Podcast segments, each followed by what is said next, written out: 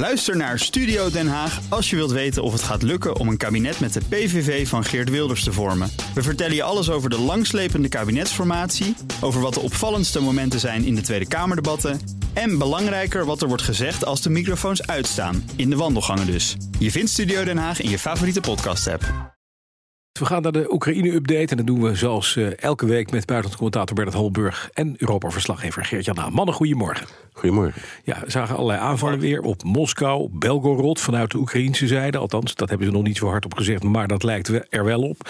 Uh, Geert-Jan, wat is er vannacht gebeurd? Kun je ons bijpraten?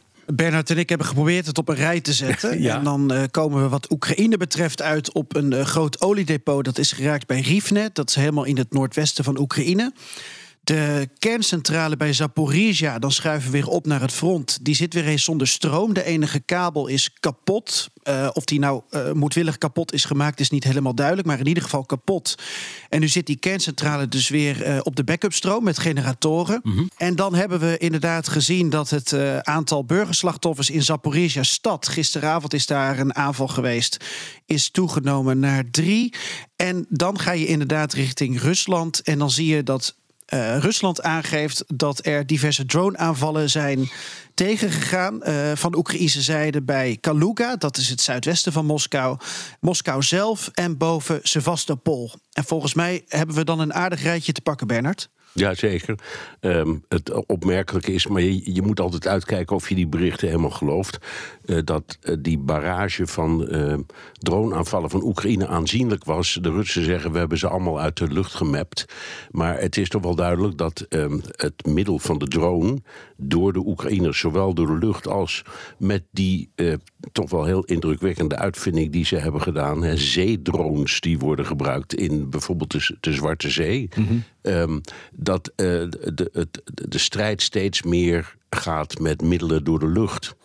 Uh, en uh, nou ja, dat, dat is de, eerste keer dat zo'n zo'n drone viel op, op, ik was het Kremlin geloof ik. En, en, en de eerste die viel op de Krim, dat was mega groot nieuws. En nu is het al routine geworden. Tja. Even kijken, als je praat over wapentjes, je hebt het nou over die, die Sea Drones. Hè, dat, is, dat zijn die grijze speedboten geladen ja. met uh, op afstand bestuurbare ja, het, is, het, is, het, is een soort, uh, het is een soort torpedo ja, in dronevorm. Ja. ja, ja. Nou, eventjes naar wapensysteem. Want Zelensky kwam vanaf met zijn dagelijkse update. Vertelde over de komst van nieuwe wapens. Duitsland heeft twee nieuwe Patriots geleverd. Amerika komt met veel munitie. Die 200 miljoen die toegezegd was door de regering Biden... die wordt ook ingevuld. Hè? Wat, wat, wat weten we daarvan? Wat komt er naar Oekraïne toe nou, wat cruciaal is? Nou, voor zover we weten op zijn minst twee nieuwe Patriots. En ja. waarom is dat zo belangrijk? Omdat, uh, daar hebben Geert-Jan en ik het al heel vaak over gehad... het grote probleem dat de Oekraïners hebben, is dat die luchtafweer heel effectief is. Ja. Alleen je kan hem onmogelijk overal tegelijk hebben. Ja, precies. Uh, dus dat, dus ja, de, de, de, aanvallen kunnen zich van de ene naar de andere plek verplaatsen. En dan ben je net te laat. Dus als er meer van die afweer komt, dan kun je dat probleem voor een deel te lijf. Dus dat is heel belangrijk. Het is niet het enige uh, belangrijke de, waar de Oekraïners natuurlijk voornamelijk om zitten. Nou ja, te drammen, mag je wel zeggen, is munitie. Daarin is dit, in dit plan ook opnieuw voorzien. Ik geloof 6000 stuks of zo, dat is echt heel veel. Um, en dan voornamelijk van die 155 mm uh, patronen. Um, en uh, de, de Oekraïners blijven natuurlijk vragen om lange afstandswapens. Dat ja. is voor hun ook heel belangrijk. Mm -hmm. En als je kijkt naar ja, de aanvallen bijvoorbeeld die ze willen doen op de Krim en dat soort dingen, ja, dan, uh, dan hebben ze die ook nodig. Um, en daar blijven Duitsland en Amerika toch de belangrijkste leveranciers. Ja. Een beetje terughoudend in. Ja, ja, ja. ja. Vergeet Jan over het Oekraïns te tegenoffensief. Hè? Jij hebt deze week wat rondgebeld. Wat hoor jij? Nou, dat de grote vraag blijft: uh, kan dat tegenoffensief nog slagen? En, en wat is dan uh, succes? En dat brengt ons eigenlijk terug bij een vraag die we nou, volgens mij sinds begin dit jaar met z'n drieën in deze uh, rubriek opwerpen. Namelijk wat is winnen en wat is verliezen. Mm -hmm. En volgens mij is de algemene teneur op dit moment dat Oekraïne genoeg krijgt om te overleven, maar niet om te winnen. En daar hebben wij in het Westen, wat Bernard ook aangeeft, vanuit Amerika en Duitsland allerlei redenen voor. Met die escalatieladder bijvoorbeeld. Nou, het ging de eerste weken van het tegenoffensief van de Oekraïnse zijde niet zo goed als gehoopt. Dat komt ook door de defensieve kant. De Russische strijdkrachten hebben het voordeel van de verdediging, de loopgraven, enorme hoeveelheid uh, mijnen, beschermde posities. En ze proberen ook hun logistiek te beschermen.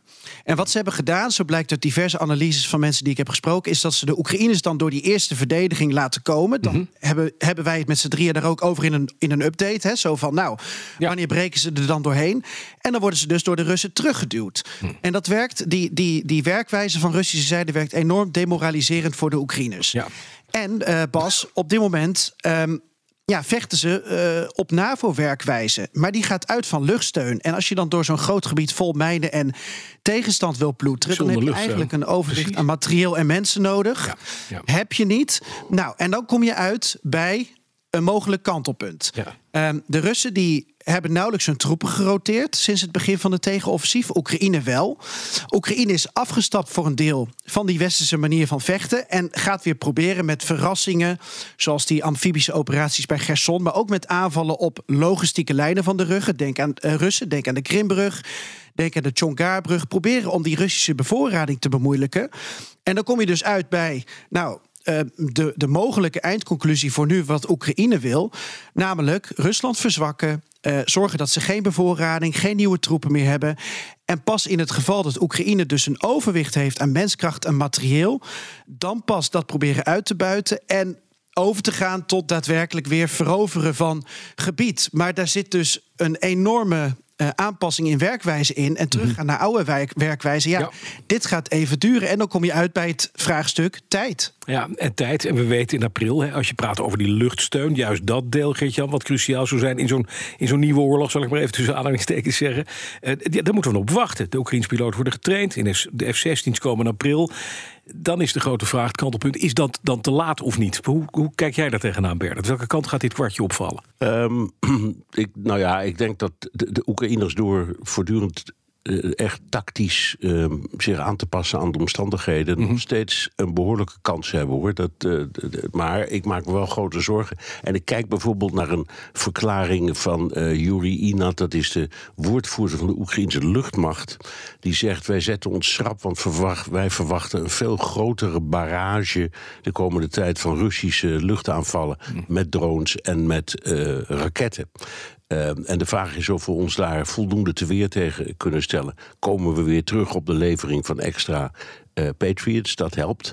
Maar het is wel een grote zorg die ook vanuit Oekraïnse kant gewoon wordt toegegeven. Het is ontzettend moeilijk.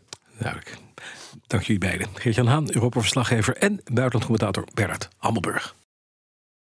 Ook Hugo Reitsma vind je in de BNR-app. Superhandig die BNR-app. Je kunt alle programma's live luisteren, breaking nieuwsmeldingen. Je blijft op de hoogte van het laatste zakelijke nieuws. En je vindt er alle BNR-podcasts, waaronder natuurlijk de belangrijkste, Boeken zijn in de wijk. Download nu de gratis BNR-app en blijf scherp.